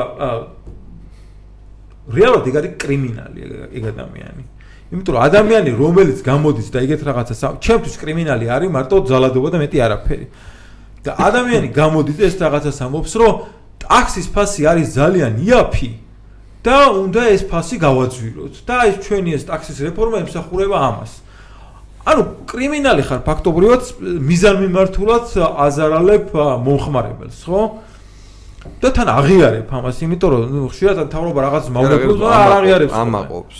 ამაყობს და პირდაპირ ამაყობს და უნდა გაგიძვიროთ. უნდა ბოლომდე დაგჭიფოთ. ხო და მომხარებელს ეუბნება ამას და აი ეს ანტიმონოპოლიური სასწაულია შირმაროა, ხო? ანტიმონოპოლიური შემიძლია ხა ხო ბლეფია, ხო, მაგრამ რეალურად მაგას უნდა გამომხტარიყო და ეთქვა რომ ეს არის პირდაპირ ძალადური მონოპოლიის შექმნა და რითაც ზარალობს მომხმარებელი, მაგრამ ეხლა თავის კუთხე არ მოჭრის არა მთავრობა თუ ა სახელმწიფო. მაგრამ ჩემ კითხვას პასუხი. ხო, ანუ შენი კითხვა რა შეგომარეობს, რომ ჩემ კითხვას შეგომარეობს, აპირებს თუ რა ჩემი აზრით, ჩემი აზრით, კარგი იქნება თუ კი უფრო მეტ ადამიანს გავაცნობ ჩემ თავს და ჩემ იდეებს და განსაკუთრებით 13000 კაცი გჭირდება. 13000 კაცი გჭირდება მართლა მე ზეგუნებდი გადამასწრე. ანუ პრობლემა იმაშია რომ გააგშას 13000 კაც გააცნო და პარემ დავაანონსო ჩემი პოლიტიკაში მოსვლა თავისუფალი ბაზრიდან. ხო, თავისუფალი ბაზრის დამზადება სხვადასხვა თქვა ორგანიზაცია, რომელსაც ქვე თავისუფალი ბაზარი, რაღაცა მარიციან, რაღაცა მაიციან, მაგრამ ნუ ამ ეტაპზე ეს სტატუსი მაგმაყოფილი. კიდე კაი არ ვცნობ ინტელექტუალურ საკუთრებას. არ ვცნობ. და თვალსაჩვენის ხო, ჩემი შეიქმნა 3 წელიწად ადრე ვიდრე შენი გადაცემა. აა ხო, ანუ არ ხუმრობ, ეს რა თქმა უნდა. ანუ მე ამ ეტაპზე მაგმაყოფილებს ეს სტატუსი, მაძლევს საშუალებას რომ რაღაცა პოლიტიკურ პროცესებში ჩავერთო. ახლა ახლა სამუშაო ჯგუფს რო ქნიან ამ საკონსტიტუციო ცვლილებებთან დაკავშირებით, არჩევნებთან დაკავშირებით. თუ მექნება ამის საშუალება რომ რაღაც მივიდე და ჩემი აზრი გამოვთქვა და რაღაც ჩავერთო ამ პროცესში, why not? ანუ ჩავერთო იმაგაში. აა რაც შეიძლება თქვა პოლიტიკურ პარტიად რო გადავაკეთო ჩემი არასამთავრობო ორგანიზაცია და თქვა გირჩის კონკურენტი გავხდე. უფრო მეტი თავისუფლების ერთმანეთს გავაძლიერებ გიორგი. ანუ ანუ უფრო უფრო მე ის თქვა მინდა რომ ხო ამ ეტაპზე გეგმებში არა მაქვს შეიძლება მინდოდეს კიდეც მაგის გაკეთება მაგრამ მ რაღაც ფინანსებთან არის ჩემს დაკავშირებული მინიმუმ ნულოვანი ბარიერის პირობებშიც კი. აა ეგ ერთი და მეორეც ერთი რაღაც ამ ეტაპზე მე მგონი გიჩთან უფრო მეტი თანამშრომლობა უფრო უპრიანია. ვიდრე თქვა მე რო გავაკეთო პოლიტიკური პარტია და აა აი ვიცი რაღაცა. ჩვენ ხელისუფლებაში მოვალ ჩვენ სატელიტი ოპოზიცია იქნება არა მე რა სატელიტი არასდროს არ ვიქნები მაგრამ ანუ ეს ნულოვანი ბარიერი სხვათა შორის ანუ თქვათ აი გადამებრუნდა თავი ერთი 4 წლის მერე და 2024 წელს გადავწყვიტე რომ ახლა უნდა ხო ანუ მაგას მაგას ანუ გადამებრუნდა გავაკეთე ჩემი პოლიტიკური პარტია ხო? ანუ მე ჩემ ჩემ იმაზე ვფიქრობ ხო? ჩემ როგორ თქვა ჩემ არ ვიცი პოტენციური პარტიის ინტერესებზე ხო? ანუ რატო არ უნდა ანუ კი კი ბატონო გიჩცმინდა რომ იყოს პარლამენტში თქვა კიდე ვიღაც თუ შეიქმნება გირჩის მაგვარი რაღაც ესეთი თავისუფლების მოხრე პარტია რატო ან თქვა თქვა მე შევქმნი პარტია რატო არ უნდა გქონდეს ჩვენ საშუალება რომ აა შევიდეთ პარლამენტში და ეს დინოზავრები მართლა გადავაშენოთ, ხო? ცადე თქო, მე მაგის სინამდვილეში მაგის თქმა მინდოდა, როცა კითხე, რომ ანუ აპირებ თუ არა მართლა ცადე, იმიტომ რომ ამაზე უკეთესი შესაძლებლობა ყოველ შემთხვევაში ჯერჯერობით პერსპექტივაში არ ჩანს. ხო, ანუ მე მგონი ამ ეტაპზე ვერ მოვასწრებ რაღაც აა პოლიტიკური პარტია რაღაც ესე ვთქვა დავარასკრუტყო და შევქნა დავარასკრუტყო და რაღაც ფინანსები მოვიძიო მაგასთან დაკავშირებით. აა რა ვიცი, თუ იქნა მაგის საშუალება რომ თქვენთან ერთად რაღაც საერთო მიზნების ვიბრძოლო. აა შეიძლება იქნება ძალიან კარგი. ეგ არნიშნავს რომ მე რაღაც გადმოვედი მთლიანად და აი გირჩელი გავხდი და გირჩი ყველაფერში გეთახოვდი და თავდაცვის ბიუჯეტის გაზდას უჭერ ძირთად სეკრეტიკო მომენტები რაც არის ისევ იგი რჩება და აა მართლაც ხელისუფლებაში მოხვედით და მე ვიქენი რაღაც ოპოზიცია მაგახრე გაგაკრიტიკებთ, იმედი არ არ შეიცვლით აზრს და არ იტყვით რომ რაღაცა აი ადრესო ფიქრობთ ეხლა რაღაც ეტატისტს უნდა მივაწვეთ, ნუ მაგის იმედი მაქვს რომ არ გაგაკრიტიკებთ მაგას. არა ის რაღაცა თქვათ ეს თქვათ მინარქისტული რაღაცეები რაც მე არ მომწონს აა მაგებს გაკრიტიკებთ და ისევ გაგაკრიტიკებთ და მე მგონი მე მგონი რა კარგია ისე ისევ შენ გვაკრიტიკო ჯობია. ხო ანუ მე მგონი აქეთან ხრიდან ჯობია რომ კრიტიკას ღებულობდეთ ვიდრე იქიდან ხრიდან რომ ანუ ეტატისტური მხრიდან კი არა თავისუფალი ბაზრის მხრიდან ჯობია რომ ღებულობდეთ კრიტიკას. ხო. რა კიდე რა შემიძლია? თქვა ამ საკითხთან მაგრამ ამ კონკრეტულად ამ ამ საკითხთან დაკავშირებით საკმარისი ანუ კონკრეტულად რა შეეხება ნულოვან ბარიერს თუ ბუნებრივ ბარიერს ხო ანუ ვიღაცამ დაწერა დღეს რომ ბუნებრივიო ან ცოტა ისეთი სიტყვა, იმიტომ რომ ზოგადად 150 კაცი რატომ უნდა იძეს იმ პარლამენტში რა არის მაგაში ბუნებრივი, ან რატომ ის დავის 150 და არ თქვა 100. 100 ჩვენც უფრო მოგწონს. და უფრო უფრო შორს რო წავიდეთ, ზოგადად არჩევნებში არაფერი ბუნებრივი არ არის, ადამიანური ვერ გაგვიგებენ. ნუ გავწდებით, ვერ გაგვიგებენ კი. ხო, ანუ რაც ვერ გაგვიგებენ, მაგაზე მაგაზე სხვა დროს ვიმუშაოთ. ხო, ანუ ანუ მე ვარ ზოგადად მაგას ვილაპარაკეთ, რომ საერთოდ არჩევნები აღარ გქონდეს და სხვანაირად სულ ბიძინა იყოს ეგ თუ როგორ გინდა. ანუ მაგალითად არჩევნები არ თავისუფალი ბაზრის გზით აა ვირჩევდეთ ჩვენი ცხოვრების წელს. ვერ გაგვიგებენ, მე მეშინია რომ მაგაშია პრობლემა. მაგას დავანებოთ თავი. მოკლედ, აა ამ ეტაპზე ჩემია ჩვენი ინტერესები არის თანხმედრილი. ეს პროპორციულ ვარიოს სისტემაზე ერთ ადგილას გავართ. ლოს აქედა გამოდია თუ რაღაც სამუშაო ჯგუფში მაგრამ ძალიან კაი პოზიცია გვაქვს რო იცოდე ყველა სხვა ჩვენი მოწინააღმდეგე არის გაბანძებული წინასწარ. არ ვერც ერთ ვერც პროცენტის იმას ამბობენ ანუ რამდენი პროცენტი უნდა იყოს? 3 4 5 რატომ? ამას ლოგიკა არა აქვს ხო არანაირი არც სამართლიანობა არ არის არაფერი მაგაში. ვერასამართლიანობა ესე მინდა არის ჩაულებრივად. ან მართლა ის არის და კი ბაზარი არის დღეს ბევრი არიან ერთად არიან მოგროვილი მეორე მხარეს. მაგრამ ცოტა ხანში მე მგონი მაგ ბევრიდან ცოტა ცოტა გამოაკლდება და ვინც დარჩება ის წააგებს ამ ძოლას. შეუძლებელი არის, ანუ აი, არასწორ საწყისებზე დგანან. გვებძვიან არასწორ იმას აქვია არასწორი პოზიციიდან და იძახიან, რომ გირჩს აწყობს უბარიერო და მაგიტო ითხოვენ და თვითონ ზოგადად ზუსტად იმას ითხოვენ, რაც აწყობთ. ხუთსაც კი არ ითხოვენ. სამი იყოს ბარიერიო. მართლა ბიძინა რო გაგიჟდეს და თქვას, რომ ოკეი, მაწყობს ბარიერი და შვიდიო რო თქვას, რას იზამენ? ან ხუთიო რო თქვას. ხო დარჩა ნახევარი ისა ვქე პოლიტიკური სპექტრი მიშას იმედა მაშინ კი მაშინ კი მოუწოთ მართლა მიშასთან ყველას გაერთიანება ხო საბოლოო ჯამში ხო ეგ არის ახლა რომ 3%-ზე აქვს დიდი გული ანუ სიტყვაზე 3%-ზე აქვს დიდი გული და იძახიან რომ გირჩი ვერ გადალახავ 3%-ს მე ისედაც გონია რომ 3%-ს გადავლახავ და ამიტომ არცებული რაც იყო ეგეც გვაწყობდა. უბრალოდ ეს უკეთესია ბევრად სხვა მიზეზების გამო. ანუ თქვენი პოზიცია არის როგორ გითხრა აა სწორი და აი მაგრამ პაპუას ლოგიკა არ არის იმიტომ რომ თქვენ არ ამბობთ რომ აი რაღაცა გირჩი 3% მაინც გადალახავს და ამიტომ ის რაღაცა ვასაძის პარტია და ვიღაც ბანძ პარტიები და ისინი უნდა ჩავჩექმოთ ხო? ანუ თქვენთან ერთად ხო ისინი შემოვლენ ცხადია ხო და კიდე რა გამიკვირდა გუშინ რო იყო ეს ნაციონალური მოძრაობის სატელიტები რო დაიწყნენ ერთად? ანუ ეგენი ამბობენ რომ გვინდა 3%-იანი ბარიერი და აა თითოეული მათგანი არის იმდენად სულ მდგომარეობაში რეიტინგის მხრივ, ну ეხა გწმობიც იქ იყო გიგი გულავა, ну გიგი გულავა და ცალკე. საერთოდ შორის ახლა მას ვქია ვნახე რომ ჩერგოს უთქვამს რომ თავისი წავიდა გიგიო და არ ეთანხმება ამას. თუ ეს ვერ გავიგეს გიგი gare-gare თვითონ დადის და პატრიკი გაშიჭე. თუ ძალიან თხოვს შეეშვით სხვა პარტიების განხილვას რა. არა ძალიან სასაცილოა. ძალიან სასაცილოა მართლა. სხვადასხვა ვინ არის ჩერგოლიშვილი ვინ არის? არა რაშვაში ანუ რაშვაში აკაცო ჩერგოლიშვილი არის ჩვენი კონკურენტი პარტიის მხარდამჭერი რომელიც მხარდამჭერი ბაზარი არ არის. ხარდ რა გინდა. აიცა მაინც ერთი წამი. ჩემ კონკურენტ პარტიას ჩემ კონკურენტ პარტიას ამ ადამიანის მხარდამჭერი ანადგურებს და შენ მეუბნები რომ მოშორდიო და მე მინდა რომ რაც უფრო მეტად იქნება ჩერგო გწმობაში შევზილო.